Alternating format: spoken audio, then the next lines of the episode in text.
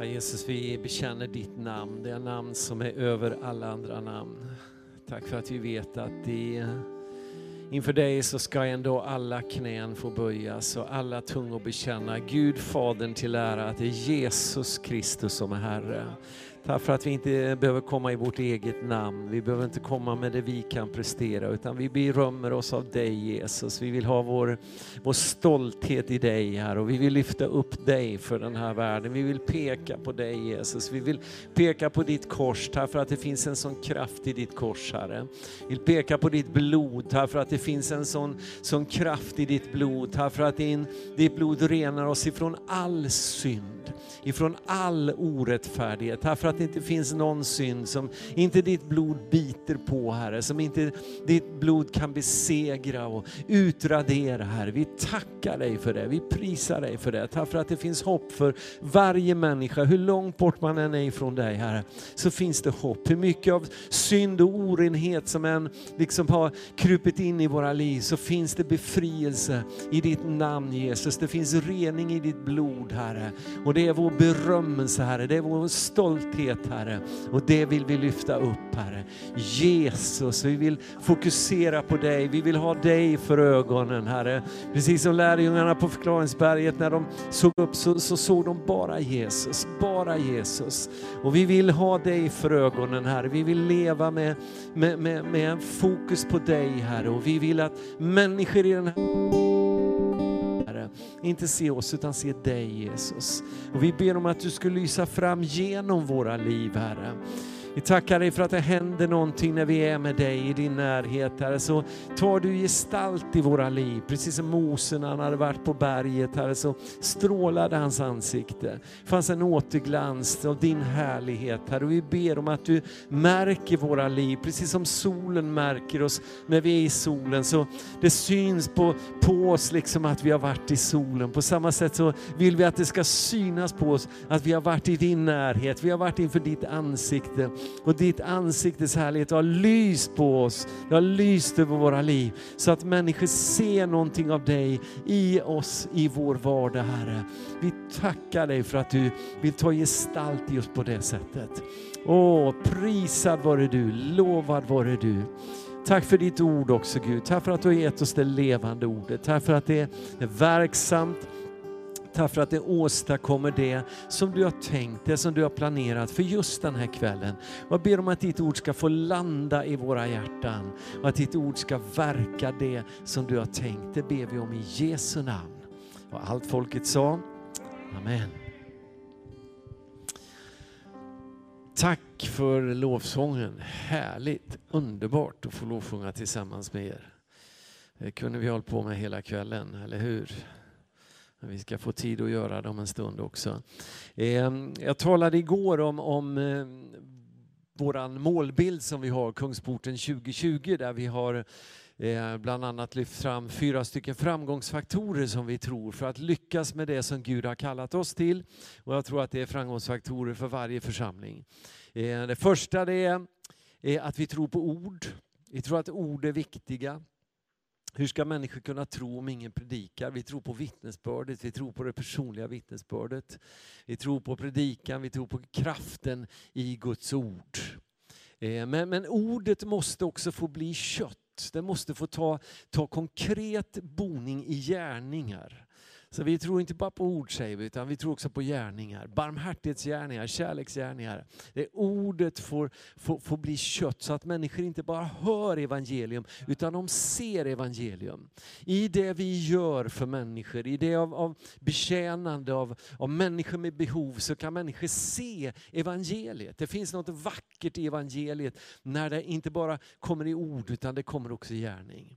Och sen sa vi för det tredje att vi tror på under och tecken. Vi behöver någonting mer än det vi kan göra. Vi behöver det som bara Gud kan göra. Vi behöver få se under och tecken. Och så har vi sagt för det fjärde, vi tror på bön. Vi tror att allt det vi gör måste vara genomsyrat av bön.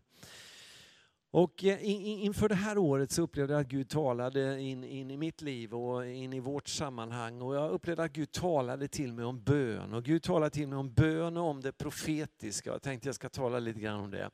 Och, och när vi sen kom igång i det här året, det var eh, sista predikan jag hade förra året, det var just om det här med, med, med, med bön och det profetiska, kombinationen där. När vi sen kom in i det här året så upplevde jag så här i vår församling, att det var precis som att vi vi stod på en tippbräda. Va?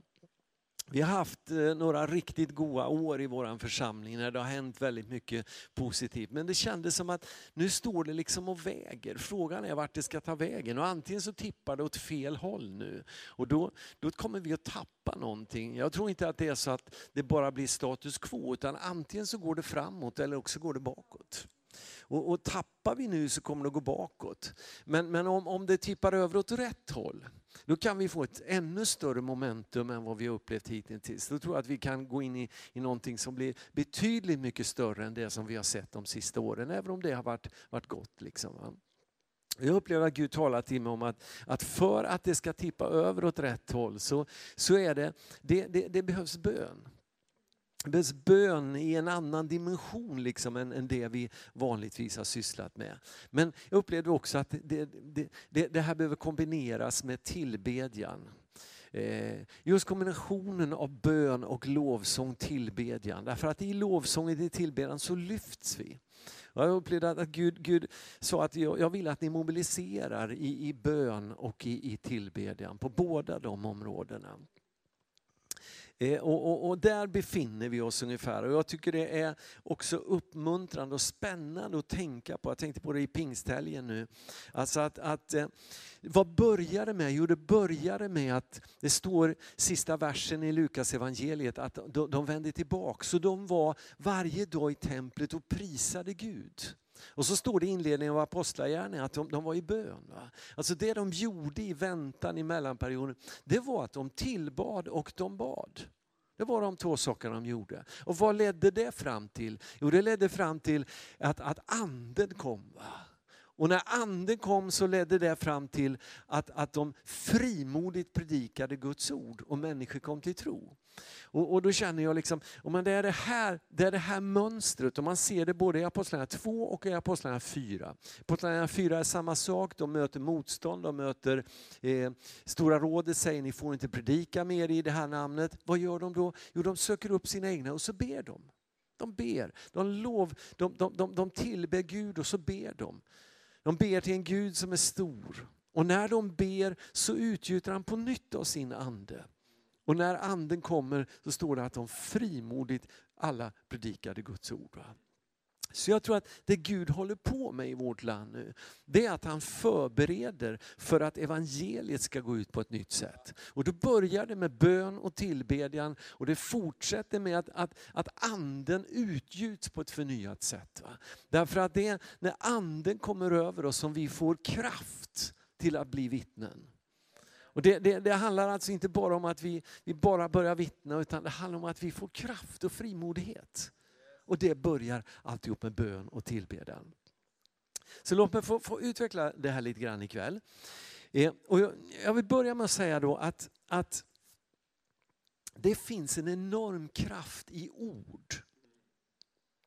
Vi ser det ju från allra första början om vi, om vi slår upp de den allra första sidan liksom i, i, i Bibeln, första Moseboken, eller första sidan, det är lite försättsblad och grejer, men första sidan där det finns bibeltext så att säga. Va? Första Moseboken kapitel 1, vers 1-3. I begynnelsen skapade Gud himmel och jord. Jorden var öde och tom och mörker var över djupet och Guds ande svävade över vattnet. Gud sa, var det ljus och det blev ljus. Alltså Gud skapade med sitt ord.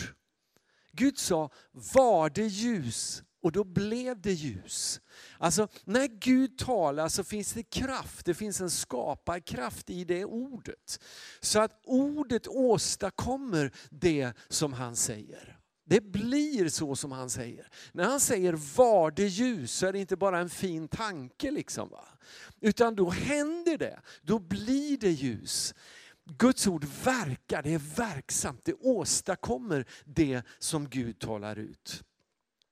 Men det som är intressant som jag har tänkt på, det är att tänka på att det ordet som Gud talade från alla första början, det är fortfarande ett ord som är verksamt. Det har inte slutat att verka. Om du går till Hebreerbrevet, det första kapitlet, så kan du se det här. Att sedan Gud, de första verserna i Hebreerbrevet 1. Sedan Gud i forna tider många gånger och på många sätt hade talat till fäderna genom profeterna, har han nu i den sista tiden talat till oss genom sin son. Honom har han insatt till att ärva allting och genom honom har han också skapat världen. Sonen utstrålar Guds härlighet och uppenbarar hans väsen och uppehåller allt genom sitt mäktiga ord. Och sedan han utfört en rening från synderna sitter han nu på majestätets högra sida i höjden. Jesus, sonen, ordet var ju det som var verksamt i skapelsen. Men det ordet, det, det, det, det liksom håller fortfarande på att verka.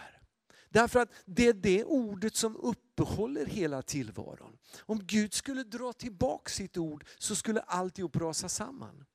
Det är Guds ord, det talade ordet som en gång talades ut, som uppehåller hela tillvaron. Alltså det ordet har inte slutat att verka, utan det verkar fortfarande. Och Det där tyckte jag var lite intressant och, och, jag tänkte vidare utifrån det här. Alltså det som Gud säger, det fortsätter att verka. Det finns en, en, en, en fort, fortsatt kraft och verkan i det som Gud har talat.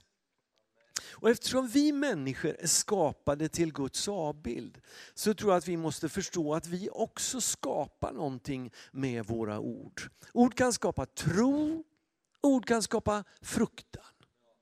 Ord kan skapa mod eller ord kan skapa missmod. Ord kan skapa värme eller ord kan skapa kyla. Du kan gå in i ett rum och så sätter du liksom temperaturen i rummet genom det du säger. Du kan komma in i en samling och så säger du något riktigt isigt och kyligt och det blir som en kyla i hela samlingen. Men du kan också säga något väldigt varmt. Och det händer någonting i atmosfären. Det sker någonting. Det verkar någonting. Ordet som vi talar ut eftersom vi är skapade till Guds avbild kan också ha en skapande kraft i sig och åstadkomma någonting. Och därför behöver vi vara aktsamma med hur vi använder vår tunga. Och det här talar Jakob om i, i Jakobs brev. Här är ju riktigt tufft ord i, Jakob 3. Låt oss läsa det. Ehm, det är både lite skrämmande och uppmuntrande det här som står i Jakob 3. Så här skriver Jakob. Mina bröder, inte många bör bli lärare. Ni vet ju att vi ska få en strängare dom. Vi begår, kom ihåg det, alltså den som är lärare kommer att få en strängare dom. Därför behöver du be för de som är lärare. Därför att det, det, det finns ett, ett, ett, något förpliktigande i det. Som är ett, ett väldigt stort ansvar. Och som gör att de som är, är ledare, de som är lärare, de behöver speciellt mycket förbön. Och inte minst när det gäller hur man använder tungan. Vi begår alla många fel. Om någon inte felar i sitt tal är han en fullkomlig man som också kan tygla hela sin kropp. När vi lägger betsel i munnen på en häst för att han ska lyda oss styr vi också hela hans kropp. Se också på fartygen som är så stora och drivs av hårda vindar. Ändå styrs de dit rorsmannen vill med ett mycket litet roder. Så är också tungan en liten lem men kan skryta över stora ting. Tänk på hur en liten eld kan antända en stor skog. En sån eld är tungan, en värld av ondska bland våra lemmar. Den smutsar ner hela vår kropp och sätter tillvarons hjul i brand och är själv antänd av Gehenna. Alla slags fyrfota djur, fåglar, kräldjur och vattendjur låter sig tämjas och har blivit tämjda av människan. Men tungan kan ingen människa tämja. Ostyrig och ond som den är och full av dödligt gift. Med den välsignar vi Herren och Fadern och med den förbannar vi människorna som är skapade till Guds avbild. Från samma mun kommer välsignelse och förbannelse. Så får det inte vara mina bröder. Inte kan väl en källa från samma åder ge både sött och bittert vatten. Mina bröder, inte kan väl ett fikonträd bära oliver eller en vinstock fikon. Inte heller kan en salt källa ge sött vatten. Den här lilla oansenliga tungan har sån makt i sig. Kan åstadkomma så mycket och vi vet det här. Vi vet att det finns ord som har sagts, kanske över ditt liv, över andra människors liv, som har legat som en förbannelse ett helt liv. Ett litet barn får höra att du är oduglig, du lyckas aldrig med någonting. Du är, du är misslyckad, du kommer aldrig åstadkomma någonting. Och det där ligger, det ligger som en förbannelse över en människas liv. Det skapar någonting. Det skapar det som, som händer i den människans liv. Men vi vet också tvärtom, liksom, att ett, ett ord av uppmuntran kan, kan bära en människa ett helt liv kan, kan avgöra en människas livsinriktning. Jag vet ord som har talats ut över mitt liv som, har, har, har, som jag fortfarande lever på. Jag vet precis var vissa ord har uttalats. Jag vet precis en, en väg där en människa en gång upp, uppmuntrade och lyfte mig och såg min gåva. Jag vet precis vad det var. Varenda gång jag passerar där så vet jag, här händer det. Liksom. Du kan leva på ett ord ett helt liv. Men ett ord kan också förstöra ditt liv. Så, så tungan har en sån makt i sig. Och den är svår att tämja. Lyckas du med den så kan du tämja hela kroppen. Ja, vi lyckas aldrig fullt ut tämja tungan. Va? Och den är, Bibeln är full av, av märkliga ord om tungan. Gamla testamentet beskriver tungan som en, en, en, en skarp eh, rakkniv. Den beskriver tungan som ett skarpt svärd. Den beskriver tungan som en, en, en pilbåge som skickar iväg pilar med dödligt gift på. Inga kul bilder. Men Ordspråksboken inte minst beskriver också hur, hur underbara ord som kan uttalas med, med, med tungan som blir till läkedom för hela människan. Va? Liv och död finns på tungan. Va? Och Därför är det viktigt hur vi talar. Och inte minst har tungan stor makt när den används till bön. Det är det Jakob sen kommer in på i femte kapitlet när han säger mycket mäktig och verksam är en rättfärdig människas bön.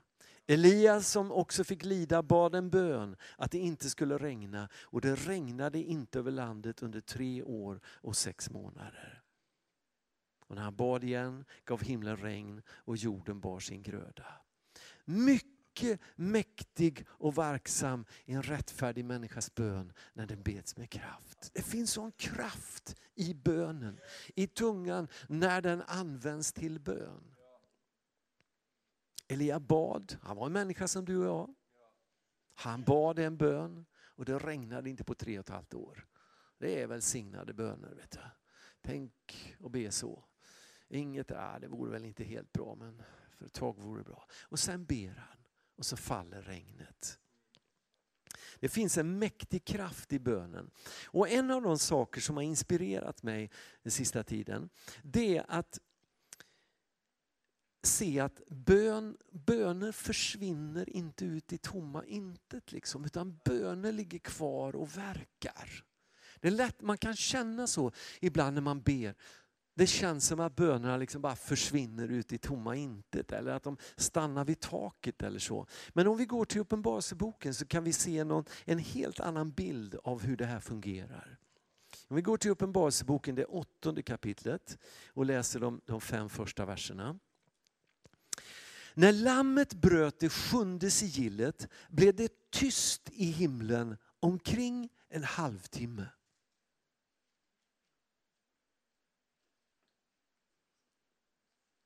Och jag såg de sju änglarna som står inför Gud och de gavs sju basuner. Då kom en annan ängel som hade ett rökelsekar av guld och ställde sig vid altaret. Åt honom gavs mycket rökelse som han skulle lägga till alla de heligas böner på guldaltaret framför tronen. Och röken från rökelsen tillsammans med de heligas böner steg från ängelns hand upp inför Gud. Ängeln tog rökelsekaret, fyllde det med elden från altaret och kastade ner den på jorden. Och det åskade, dundrade och blixtrade och jorden skälvde. Här står det att det blev tyst i himlen omkring en halvtimme. Och så brukar det inte vara i himlen. Himlen genljuder av lovsång och tillbedjan, eller hur? Där, där, där är det som dånet av mäktiga, av väldiga vatten. Va? Så klaga inte på att det är för hög lovsång. Liksom. Det kommer att vara högt i himlen. Det kommer att vara högt i himlen. Men här står det att det är tyst i en halvtimme. Och sen så beskrivs de heligas böner. För mig är det som att hela himlen stannar upp liksom och lyssnar till de heligas böner. Så, så viktiga är, är de heligas böner i, i, i, i, i Guds ögon, liksom, i, i himlen. Va? Så att hela himlen stannar upp. Det är som att Gud säger tyst, tyst, jag vill höra. Det är någon som ber. Det är någon av de heliga som ber. Kanske en tyst bön. Va? Himlen lyssnar. Och så står det att de där bönerna som beds, om det går till femte kapitlet och den åttonde versen, så står det så här. Och när de där tog bokrullen föll de fyra väsena och de 24 äldste ner inför lammet. De hade var och en sin harpa och skålar av guld fulla av rökelse som är de heligas böner. Alltså bönerna de försvinner inte ut i tomma intet. Utan de samlas upp i himlen i guldskålar. Det är liksom inte några kantstötta, eh, nöttaskålar, utan det är guldskålar. Himlen värderar böner så högt så man samlar dem i guldskålar. Och I åttonde kapitlet så läste vi att bön, de heligas böner de fanns där på altaret inför tronen. Alltså de finns inför Gud. De böner som beds ut, de, de, de finns kvar.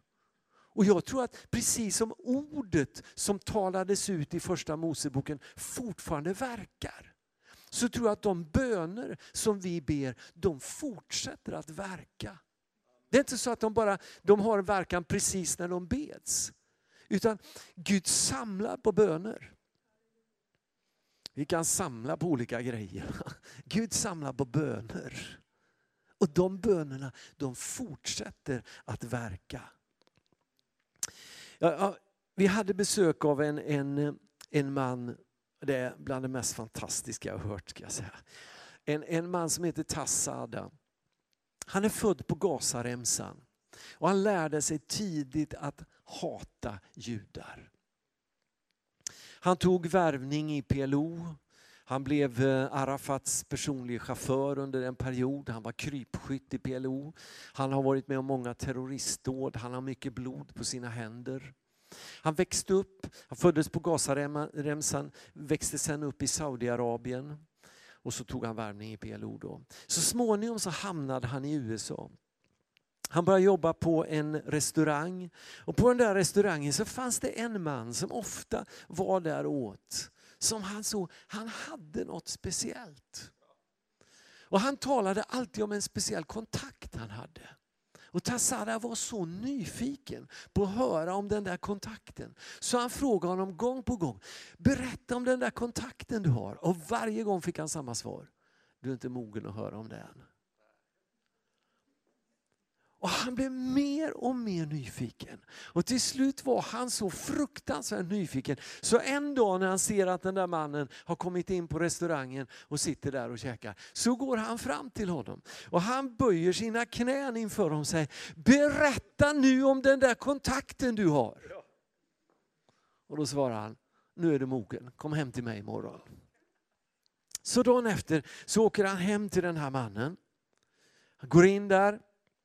Och det första den här mannen säger till honom det är du måste lära dig att älska en jude. Och Tassara blir rasande. Fullständigt rasande. Han säger, du vet att jag hatar judar. Hade du inget bättre att komma med? säger han. Och så vänder han på klacken och tänker gå därifrån. Och säger den här mannen, lugna ner dig, säger han. Den jude som du måste lära dig att älska, det är Jesus Kristus. Det är han som är min kontakt. Sätt dig ner. Och så börjar han, han tar fram sin bibel den här mannen. Och så börjar han citera ifrån Johannesprologen. I begynnelsen var ordet. Och ordet var hos Gud och ordet var Gud. Och när han börjar citera de här verserna så slår Guds ande ner i Tassada. Han faller till marken och han ser ett ljussken. Och så ser han två händer som är knäppta så här.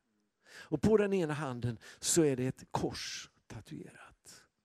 Han känner igen de där händerna. Därför att när han växte upp och de bodde i Saudiarabien så hade de en filippinsk barnflicka som hade ett kors tatuerat på sin e-, ena hand.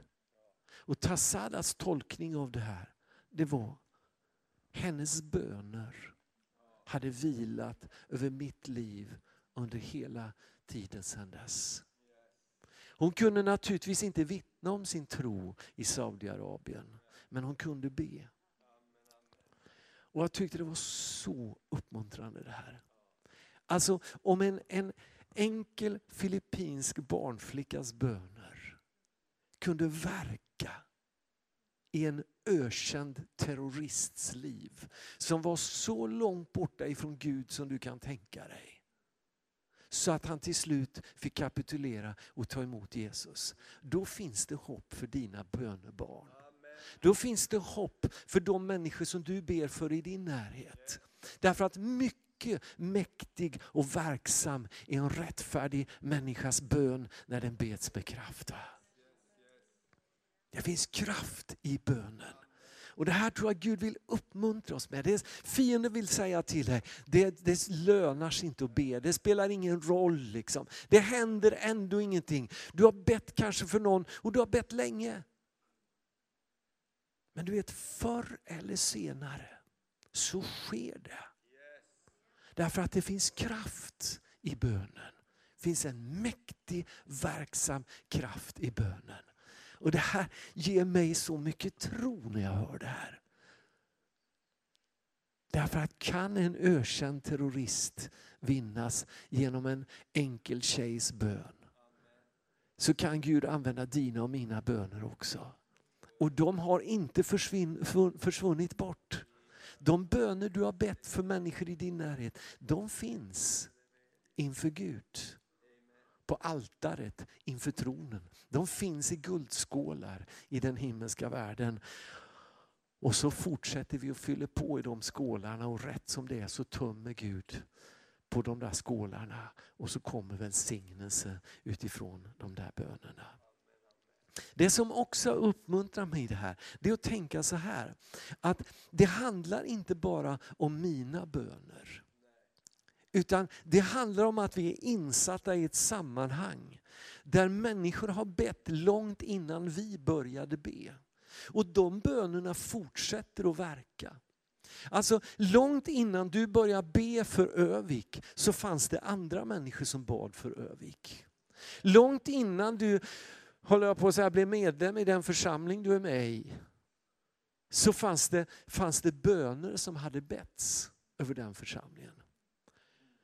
Innan ni kom in i den här lokalen fanns det säkert människor som hade bett för den här lokalen. Alltså, det är lätt att vi tänker så här, ah, jag är så dålig att be och jag, jag, jag är så dålig på att vara uthållig i bön och det blir ingenting.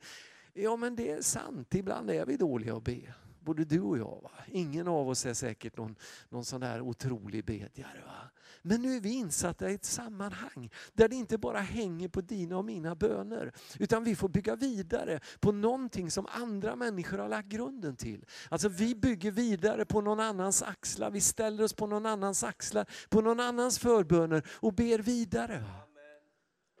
Och de böner som andra har bett, de fortsätter att verka. De är fortfarande i verksamhet. Och så finns det ju liksom en mästerbedjare då. Som har manat gott för dig och mig. Jesus Kristus. Vi är, vi är insatta i ett nätverk där också hans böner ingår. Jesus har bett för oss. Och då höll jag på att säga, det kvittar hur, hur, hur, hur snett det kan gå i våra liv så finns det ändå hopp. Vet, Petrus han förnekade Jesus tre gånger. Men Jesus sa, jag har bett för dig att din tro inte ska bli om intet. Jesus hade bett för Petrus. Det fanns hopp. Du vet vi kan misslyckas i livet och djävulen är expert på att tala om för oss och det är hopplöst, det är kört, liksom. det är omöjligt för du har misslyckats så mycket. Du har fallit i synd. Va? Och så säger fienden, det är ingen idé liksom. Det är kört. Men du vet det finns kraft i Jesu blod. Fienden han vill få dig att känna att det är ingen idé liksom att jag, jag försöker söka renhet för det är redan kört. Va? Men du vet, Jesus han renar dig från din synd så att det är som om du aldrig hade syndat. Det är det som är det fantastiska. Va? Han renar oss så att vi blir fullständigt rena. Min Gud sa till mig så här en gång att, att när, när, jag ser på er så ser jag inte på er som, som, som, som att ni är frälsta av nåd, liksom, även om det är sant i sig. Utan jag ser på er som mina älskade barn. Därför att jag har glömt synden. Så kan du få se på dig själv. Du är Guds älskade barn. Ja, men jag har misslyckats så mycket. Och du säger, vadå? Kommer jag inte ihåg?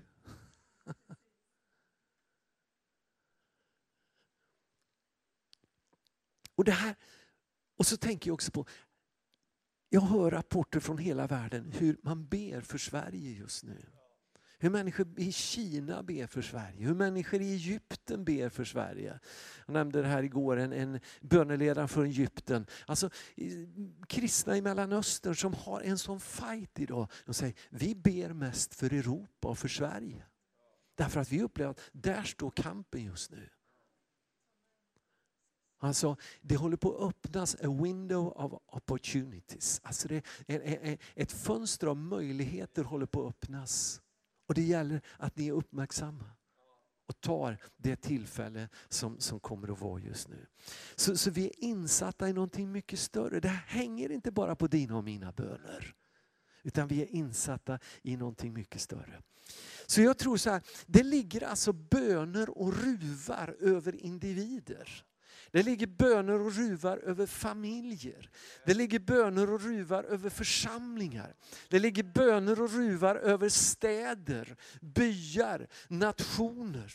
Böner som har betts. De ligger där och ruvar. Liksom, va? Och rätt som det är så, så har liksom böneskålarna fyllts. Och då kläcks det här. Va? Då, då, då bryter det fram som Gud har tänkt. Och det här, det här uppmuntrar mig att tänka på det här sättet, att det, det, det, det ligger saker, böner och ruvar ö, över oss. Va? Böner är fulla av kraft. Och framför allt så finns det kraft i det som Gud har talat. Och I Bibeln hittar vi massor av exempel på hur det finns en mäktig kraft i profetiska ord som har uttalats. Och Många gånger så dröjde det ju lång tid efter det att en profetia hade uttalats innan den gick i fullbordan. Ibland var det hundratals år, många hundratals år från det att profeten sa någonting till dess att den gick i fullbordan.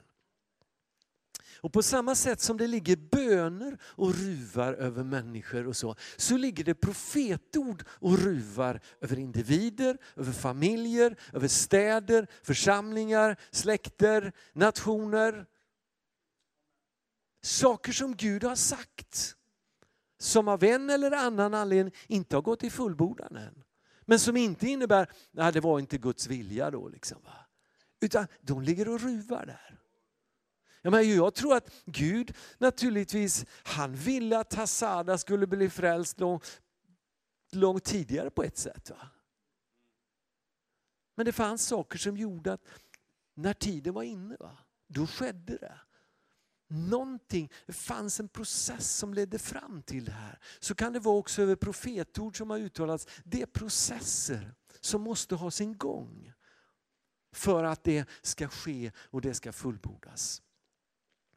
Och låt oss gå till, till Danielsboken, Danielsboken, det nionde kapitlet för att och, och se några saker som jag upplever att Gud talar till mig om Eh, inför det här året när det gäller det, profetiska och hur, hur det ska kunna gå i fullbordan. För det första, lyssna till vad Gud talar men gå också tillbaks och se vad han redan har talat. Lyssna till vad Gud talar, men gå också tillbaks och se vad han redan har talat. Så här står det i Danielsboken kapitel 9, vers 1 och 2. I, i Ashveros son, där Javes första regeringsår, han som var med i släkt, men som hade blivit upphöjd till kung över Kaldernas rike. I hans första regeringsår kom jag, Daniel, att i skrifterna lägga märke till det antal år som enligt Herrens ord till profeten Jeremia skulle fullbordas angående Jerusalems ödeläggelse befrielse, nämligen 70 år. Det är så här, vi tror på en Gud som talar, eller hur? Gud är en levande Gud, Gud är en Gud som talar. Reinhard Bonke han sa någon gång så här att i Guds rike är det viktigare att ha öron än att ha hjärna. Och det ligger något i det. Alltså det är viktigare att höra än att kunna tänka ut själv. Det handlar om att höra, att ha ett öra som hör vad Gud säger till församlingen. Att lyssna, att vara lyhörd för det Gud säger. Det är den som hör vad Gud säger som kan samarbeta med Gud. Och därför behöver vi komma inom hörhåll för Gud. Vi måste ta tid att lyssna i allt brus och det är en enorm utmaning i den här tiden. Med allt mediabrus som är, med allt det, det informationsflöde som är i den här tiden, så är det en enorm utmaning att bli så stilla så att vi kan höra. Och jag, jag har sagt det några gånger att jag, jag, jag tror att det, det är därför vi måste bland annat vara lyhörda för våra drömmar. Därför att det enda gången som Gud riktigt kommer åt att tala till oss, det är när vi sover. För det är så fullt kör hela tiden för övrigt. Därför ska du ta dina drömmar på allvar. Gud talar, Gud kommunicerar till oss i drömmar. Titta i Bibeln för att se hur ofta Gud talar genom drömmar. Jag är övertygad om att Gud talar till, till många människor idag genom drömmar. Jag säger inte att alla drömmar är från Gud, men jag säger att betydligt fler drömmar än vad du tror är från Gud. Gud kommunicerar och du behöver lära dig att tolka drömmarna, förstå drömmarna. Därför att Gud många gånger varnar oss i drömmar. Gud förbereder oss genom drömmar. Gud visar oss saker genom drömmar så, så, som hjälper oss i livet. Och vi har den sista tiden sett många sådana exempel i vår församling. Hur Gud hjälper oss, förbereder oss, talar till oss genom drömmar som olika människor har. Ett ord från Gud kan göra all skillnad i världen.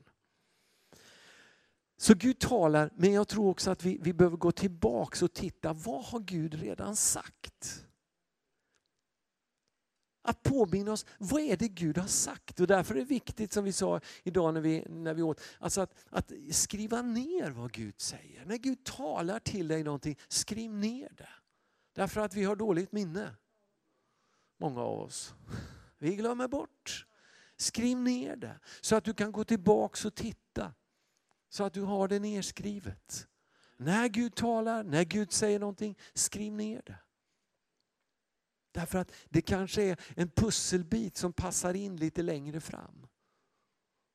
Som inte är riktigt färdigt att lägga dit än, men som snart är dags att lägga dit. Va?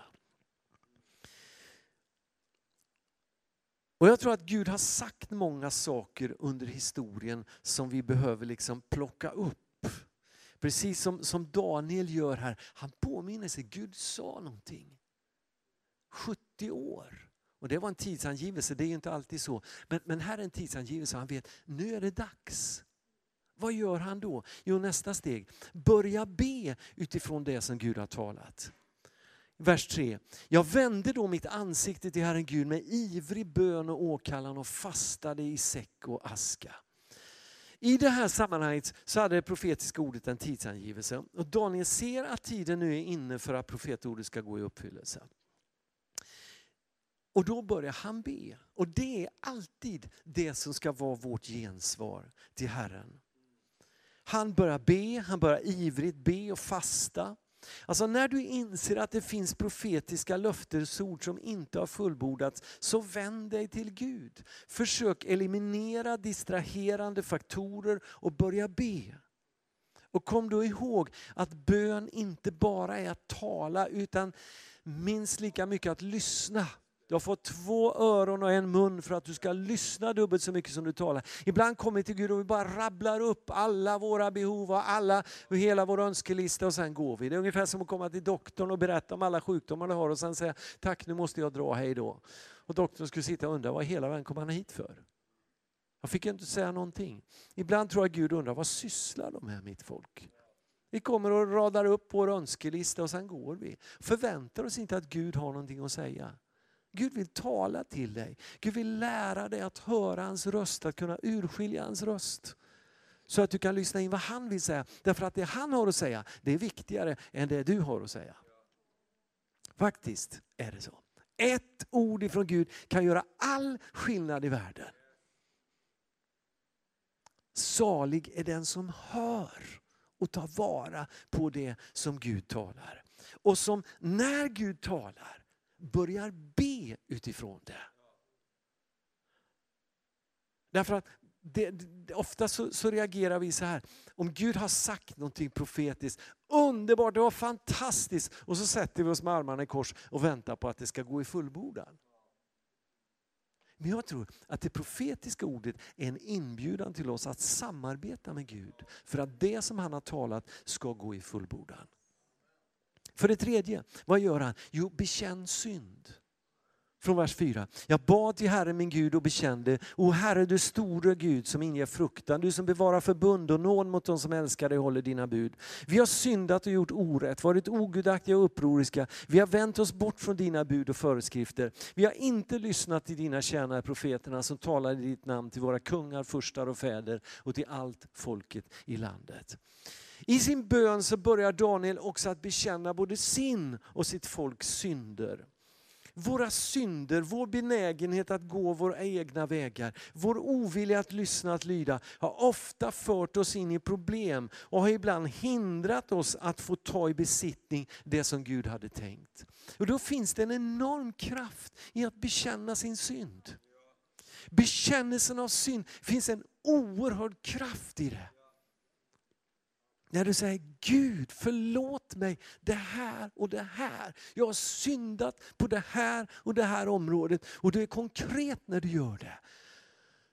Så är Gud trofast och rättfärdig så att han förlåter dig dina synder och renar dig från all orättfärdighet. Men det finns en kraft som eliminerar saker som står emellan.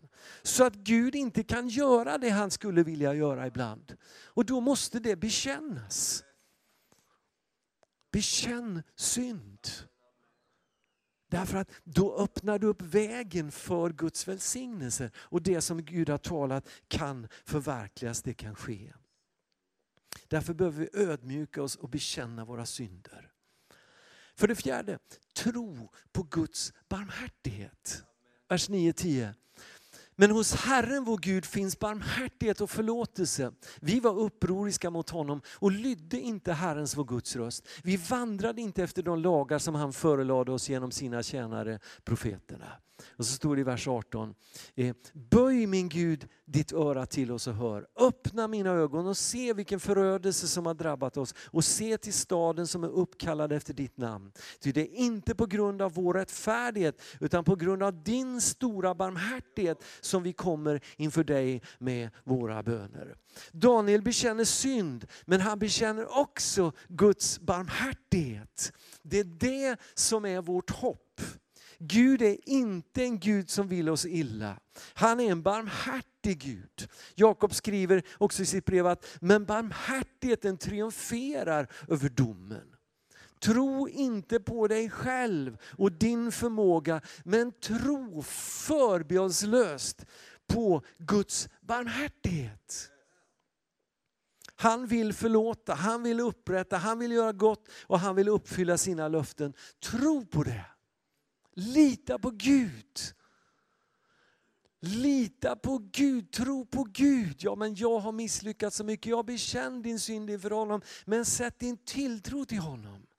Därför att han är full av barmhärtighet, full av godhet. Där synden överflödar, där överflödar nåden ännu mycket mer. Va? Det femte och sista, gör aktivt anspråk på det som Gud har talat. Från vers 15. Och nu Herre vår Gud, du som förde ditt folk ut ur Egyptens land med stark hand. Så jo, och så gjorde det ett namn som är detsamma än idag. Vi har syndat, vi har varit ogudaktiga. Men Gud, för all din rättfärdighets skull, vänd din vrede och förbittring från din stad Jerusalem, ditt heliga berg. På grund av våra synder och våra fäders missgärning har Jerusalem och ditt folk blivit till smälek för alla som bor omkring oss. Hör nu du, vår Gud, din tjänares bön och åkallan och låt ditt ansikte lysa över din ödelagda helgedom för Herrens skull.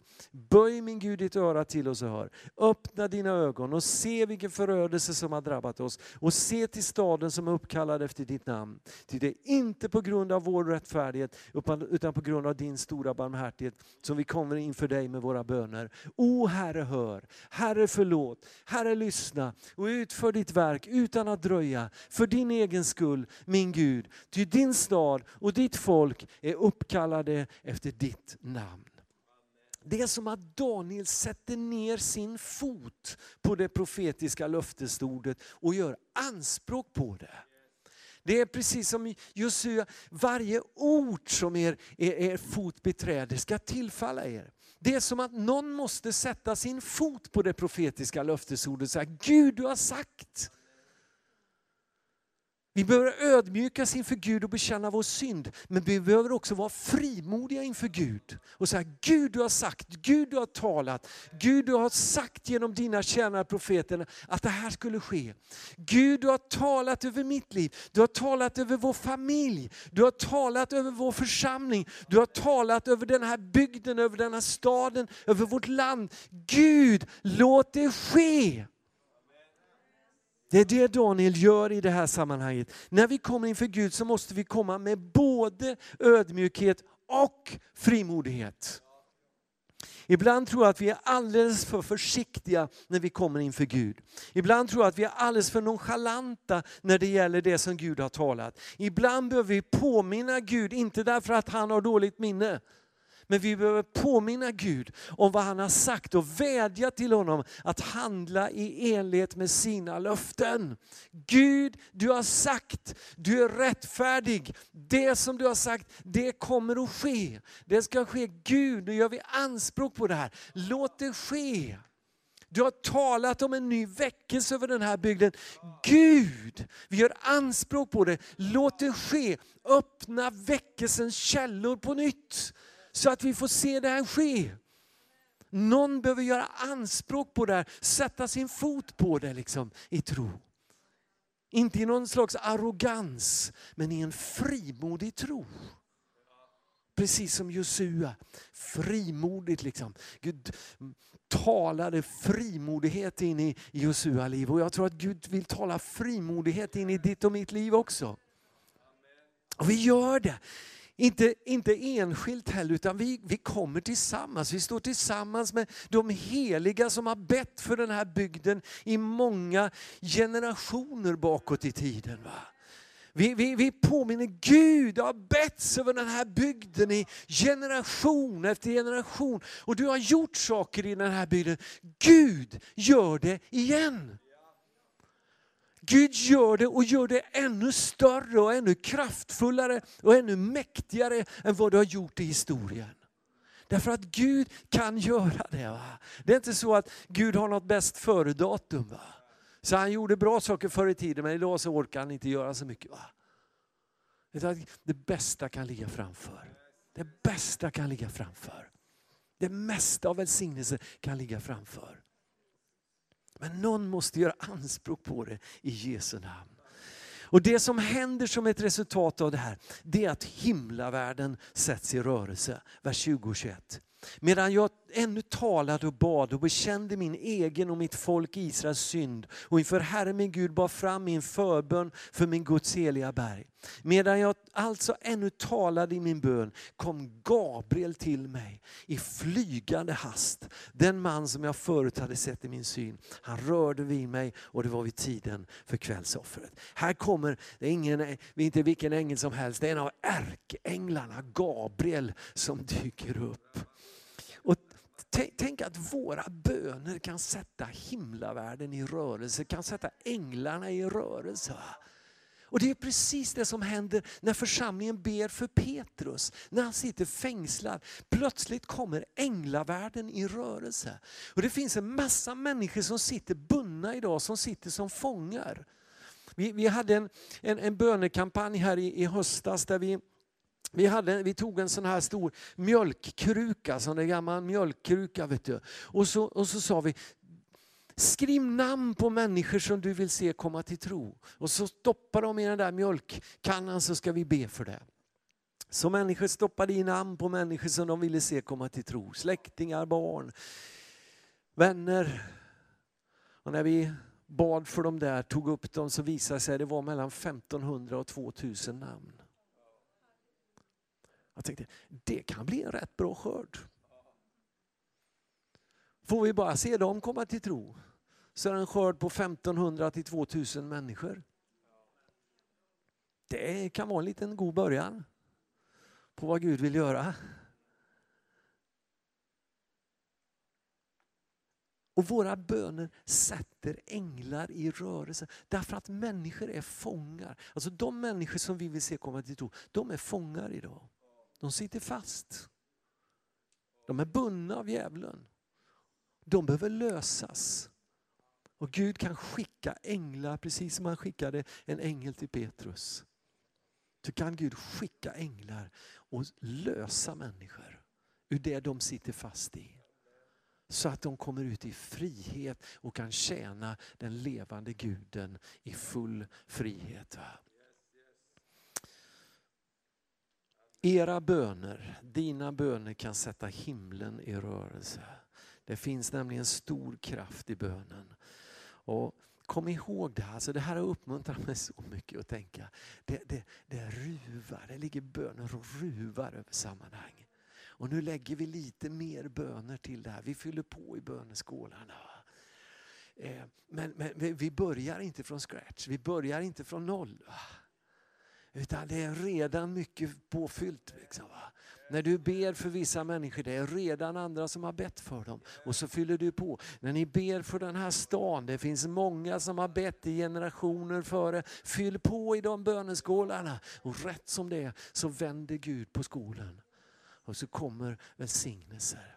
Jag tror att Herren vill komma över, över, över, över inte minst, alltså jag tror, jag tror hade en dröm för ett tag sedan som, som, som, som eh, eh det jag tror Gud ville säga att de gamla väckelsebygderna ska öppnas på nytt. Källan, väckelsekällan ska öppnas på nytt. Det var så mycket skörd i den där drömmen. Och, och, eh, jag vaknade med att jag hörde ordet, eh, jag kan berätta, det var en lite märklig dröm. Jag drömde så här.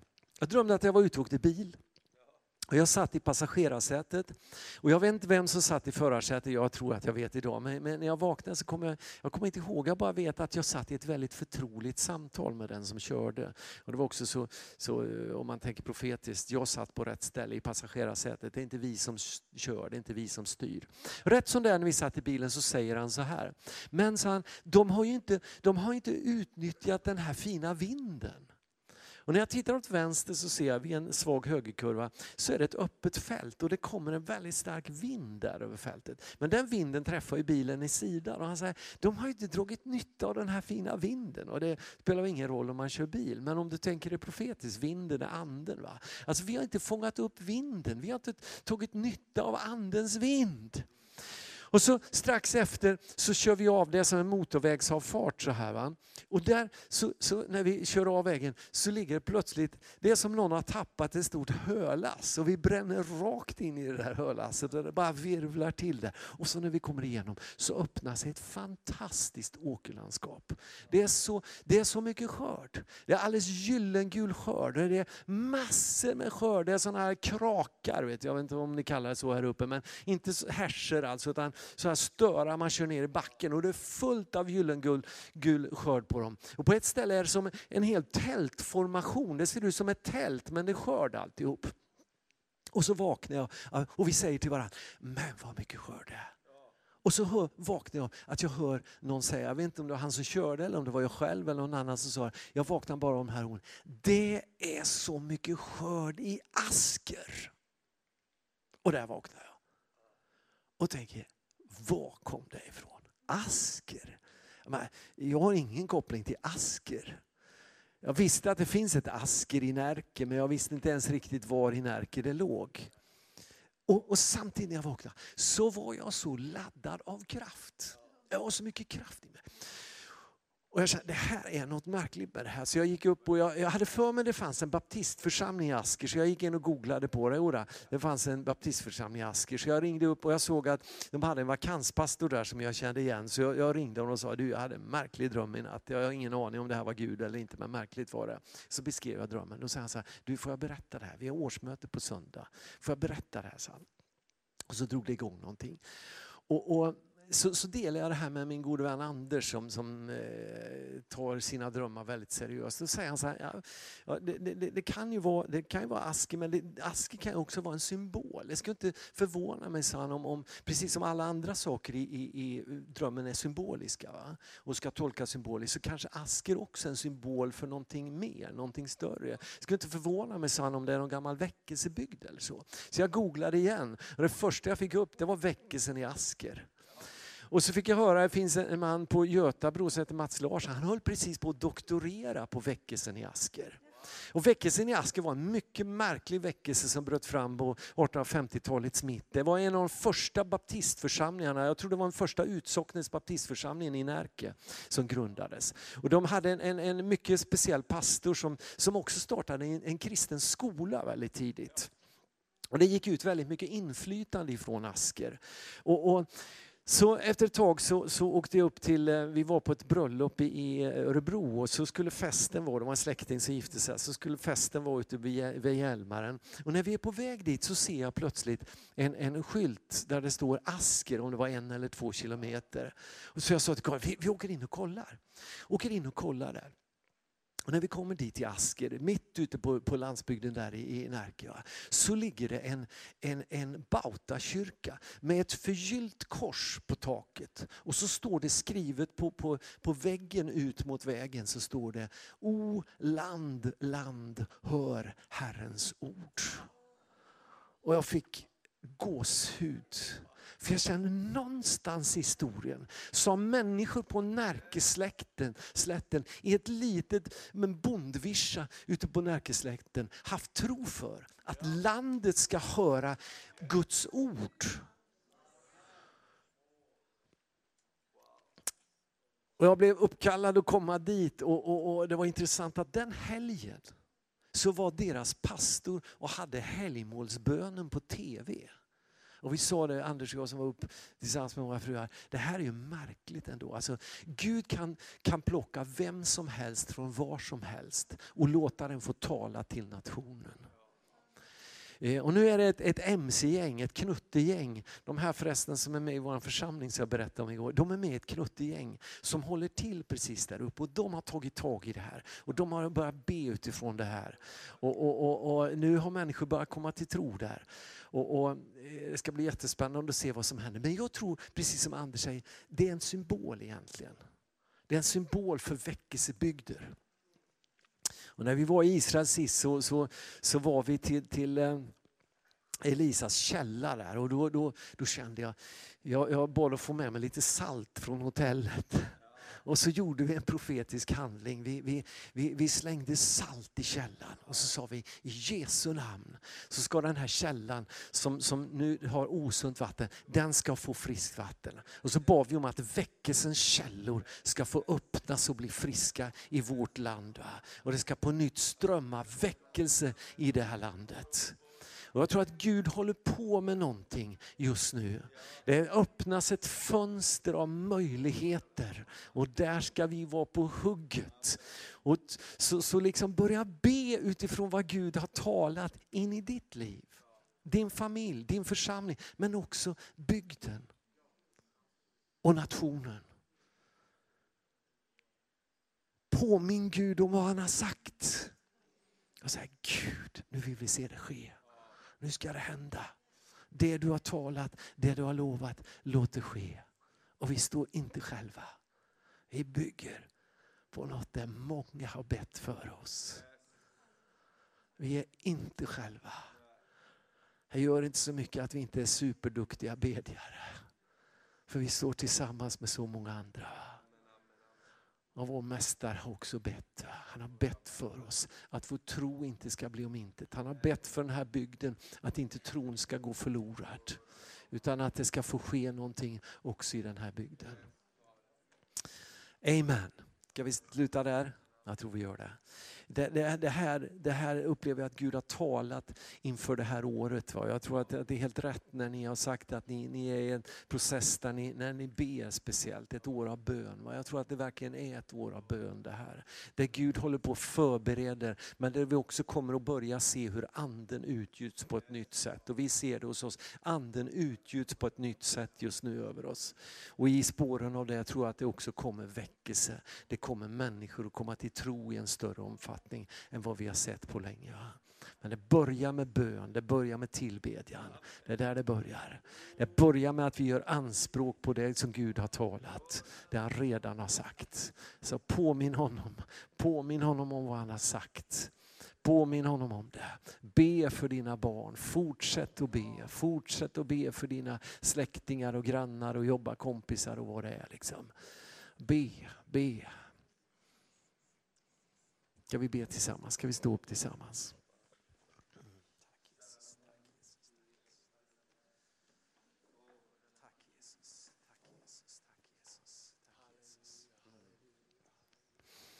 Mm, herre, tack för det du har gjort. Tack för det du har gjort i historien, Herre. Vi är så tacksamma för att vi får leva i ett land där, där det finns en rik väckelsehistoria. Där, där det finns många som har gått före och som trofast har tjänat dig. Tack för de människor som förde evangeliet till vårt land, Herre. Tack för alla väckelser som har varit i vårt land, Herre. Tack för alla besökelseperioder som har varit i vårt land, Herre. Som gör att, att så mycket av, av, av eh, trons arv finns i vårt land ändå. Tack för att vi fortfarande har korset i vår flagga som vittnar om att det ändå någonstans så fanns det människor som ville att det här skulle vara en kristen nation och bekände det här som en kristen nation Herre. Tack för det du har gjort i släkter, i familjer, i bygder Herre. Tack för, för bygder som, som har upplevt en sån här riktigt stark besökelse av din Ande. Och tack för att du vill göra det igen Herre. Tack för att du vill göra det igen Herre. Tack för att du vill göra det igen. Vi prisar dig för det. Tack för att du inte har glömt Sverige. Tack för att du inte har glömt Sverige. Tack för det Herre. Tack för att du kommer ihåg vårt land Herre. Tack för allt de missionärer som har skickats ut ifrån vårt land Herre. Tack för allt som har gått ut härifrån Herre. Och nu tror vi att du sänd, vi, vi har sänt vårt, vårt bröd över vattnet och nu kommer det tillbaks Herre. Tack för att du sänder människor från andra länder till oss. Tack för att det kommer människor som känner dig. Tack för att det, det, det är andra nationer som skickar missionärer till Sverige idag. Åh Gud, vi tackar dig och vi tar emot dem som gåvor ifrån dig. Tack för, för nysvenskar som kommer, som har en tro på dig redan, som redan tillhör dig. Tack för att de kommer och de ber och de välsignar det här landet Herre. Och tack för att vi också, som har bott här i många, många år, som kanske generation efter generation har bott här, tack för att vi får be Herre. Tack för att vi får ställa oss på axlarna av de människor som har gått före oss och ropa till dig Herre. Vi ropar till dig om välsignelse över Sverige, över vårt land Herre, över våra familjer, över våra släkter, över våra församlingar. Kom igen Herre, kom igen Herre. Tack för att du kan resa upp församlingar i vårt land Herre. Det, det kan vara församlingar i stora städer. Men det kan också vara församlingar mitt ute på landsbygden. Du kan resa upp församlingar som får tala Guds ord till nationen, Herre. Som får se ett skeende som ska genljuda i nationen, Herre. Låt det ske, Herre. Låt det ske igen, Herre. O land, land, hör Herrens ord. Låt ditt ord få höras i det här landet på nytt, Herre. Låt ordet frimodigt förkunnas, Herre. Och låt vittnesbördet få gå ut, Herre. Vi ber om att du reser upp oss i en ny frimodighet. Därför att ditt folk frimodigt ska berätta om Jesus i den här tiden. Och tack för att människor ska komma till tro, Herre. Många människor ska komma till tro. Och du ska röra vid det här landet. Och vi ber för den här bygden, Herre. Vi ber för den här stan. Vi välsignar Örnsköldsvik, Herre. Vi välsignar den här stan, Herre. Vi välsignar de människor som bor, de som bygger här, Herre. Vi välsignar dem Herre. Vi välsignar människor i alla situationer i livet. Vi välsignar dem som är, är, är liksom bundna i alla möjliga saker, i missbruk av olika slag. Vi proklamerar frihet för dem Herre. Frihet. Men vi, vi ber också för människor som har lyckats lyckats i livet mänskligt sett, men som är så, så fast liksom i, i meningslöshet ändå, som ändå känner det är inte livets mening allt de har och allt de äger och allt de har lyckats med. Tack för att du uppväcker längtan, hunger, törst efter dig Herre. Vi ber om en hunger efter ditt ord. Vi ber om en törst efter din andes, and, andes vatten Herre. Vi ber om att människor ska hungra och törsta efter dig. Och vi ber börja i din församling Herre. Börja i din församling. Uppväck hunger, törst, desperation, längtan efter dig Herre. Längtan efter att få se din hand i rörelse. Längtan efter att få se väckelse. Gud, vi ber om det. Uppväck det. Börja med oss Herre och låt det få spridas. Låt det få spridas Herre. Tack för det du vill göra. Tack för det du vill göra. Herre, vi gör anspråk på våra söner och döttrar Herre. Vi gör anspråk på våra barn Herre. Åh Gud, vi gör anspråk på dem. Du har, du har betalat priset för dem. Du har köpt dem och betalningen är given. Och vi bekänner en gång till, vi ska se dem brinna för dig. Vi ska se dem älska dig Herre. Tack för dem som redan gör det, men de som inte gör det. Herre, vi, vi gör anspråk på dem Herre. Gud, vi ber för släktingar som inte känner dig. Vi ber för vänner, jobbarkompisar, skolkompisar, grannar. Herre, de där som vi har vittnat för. Herre, vi gör anspråk på dem i Jesu namn, Herre. Du har köpt dem, betalningen är given, du har rätten till dem. Tack för att de ska få tillhöra dig. Tack för att du ska vinna dem Herre, för ditt rike. Vi lovar dig för det. Och vi ber utgjut din ande över oss. Kom med nådens och bönens ande över vårt land Herre. Kom med nådens och bönens ande Herre. Låt bönens ande få komma över ditt folk Herre. Och hjälp oss i bönen Herre. Ge oss draghjälp i bönen Herre. Vi lovar dig för att du vill göra det. Tack för att det här året ska vara ett år av bön Herre. Ett år av tillbedjan, ett år av lovsång Herre. Där vi får mobilisera Herre. Ett år av fasta där människor överlåter sig. Gud, vi ber om det. Och tack för att du också börjar att låta din ande få utgjutas på ett förnyat sätt. Kom helige Ande, kom låt det regna över oss av välsignelse. Kom helige Ande, öppna, öppna, öppna himlens fönster över oss och låt det regna över oss. Som Elia bad en gång så ber vi, öppna fönstren, låt regnet falla, låt regnet falla på nytt. Efter tider av torka, låt regnet falla. Öppna, öppna himlens dammluckor över oss. Utgjut din helige Ande. Låt det få strömma över oss av liv, av vederkvickelse, av tro, av förväntan. Förlös trons ande ibland oss. Det ber vi om i Jesu namn. Jesu namn. Tack Jesus. Tack Jesus. Tack Jesus. Tack Jesus. Om du känner att du vill be för, för, för någonting, be för den här stan, be för människor så höj gärna din röst och be.